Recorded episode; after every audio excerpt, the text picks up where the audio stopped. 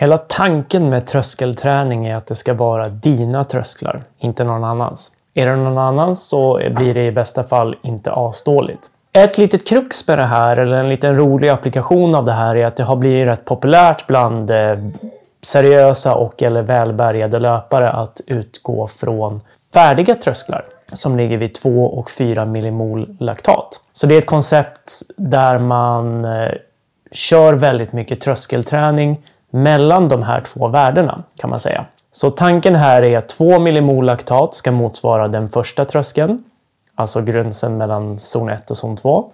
Och 4 millimol laktat ska motsvara den andra tröskeln, alltså gränsen mellan zon 2 och zon 3 i en trezonsmodell. Jag har skrivit en bok som står bakom eh, den där eh, lampan på ett vinställ som jag kommer att prata mer om senare också. Där allt det här avhandlas och lite om varför det här är ganska meningslöst redan från början kan man väl säga. Men tanken är som sagt att man ska köra mycket tröskelträning där man ska köra eh, långa pass eller alltså långa insatser nära zon 2 eller gränsen mellan zon 1 och zon 2, så den första tröskeln. Och sen eh, tuffare insatser, kortare insatser nära den andra tröskeln. Då. Så vid 2 millimol så ska man liksom hålla på i kanske 40 minuter. Alltså springa kontinuerligt i 40 minuter ungefär. Och det är precis som man gjorde i en ny studie där man typ har testat det här konceptet kan man säga.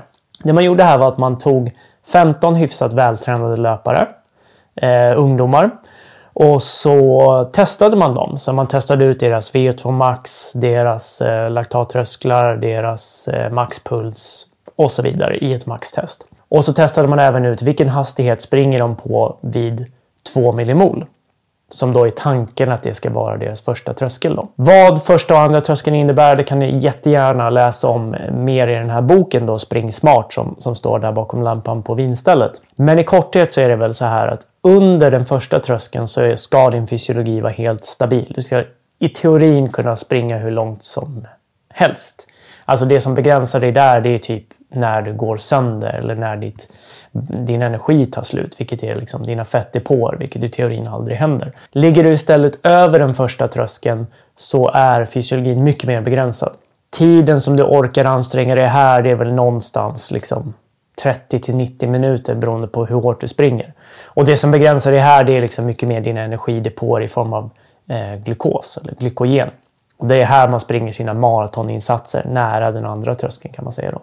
Ligger du över den andra tröskeln så blir din fysiologi aldrig stabil utan syreupptag och laktat och allt sånt där fortsätter öka tills du når utmattning inom relativt kort tid. Då.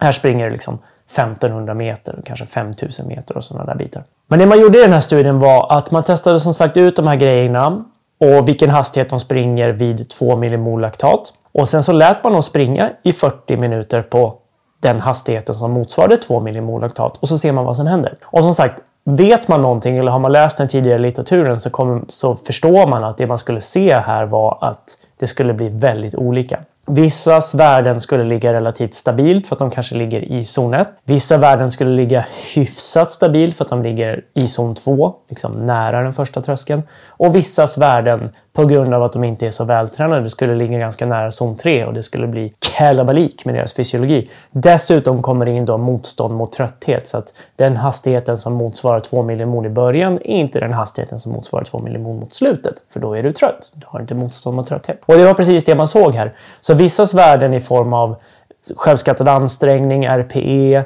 eh, puls, syreupptag och laktat låg relativt stabilt. Men de allra flestas värden ökade. Och vissa ökade väldigt mycket, vilket indikerade att de låg relativt nära den andra tröskeln. Då. Och det här är ju liksom, som sagt, det här kunde man ha listat ut redan innan om man hade läst litteraturen, men det testar ju ändå det här konceptet att använda en färdig tröskel, alltså 2 millimolaktat. Det kommer i, som sagt, i bästa fall vara inte asdåligt, men det kan aldrig bli särskilt bra egentligen. Och det understryker hela grejen som jag skriver om i Spring Smart då, alltså boken som står bakom lampan i ett vinställ. Att man behöver testa sina trösklar. Man behöver mäta sina trösklar för att verkligen få det rätt. Så även om du inte är jätteseriös och eller en supervälbärgad löpare så kan du ha väldigt mycket nytta av att göra det. Alltså om inte annat för att det är väldigt roligt liksom. Och du kan göra det med relativt enkla medel. Och du kan använda det på ett sätt som gör att din träning blir liksom, som sagt roligare men också mer effektiv. Det kan du inte göra om du använder det här 2 millimol eller 4 millimol konceptet för då kommer du troligen att hamna fel. För din fysiologi är inte detsamma som någon annans. Det var väl egentligen det hela. Vi ses och hörs när vi gör det.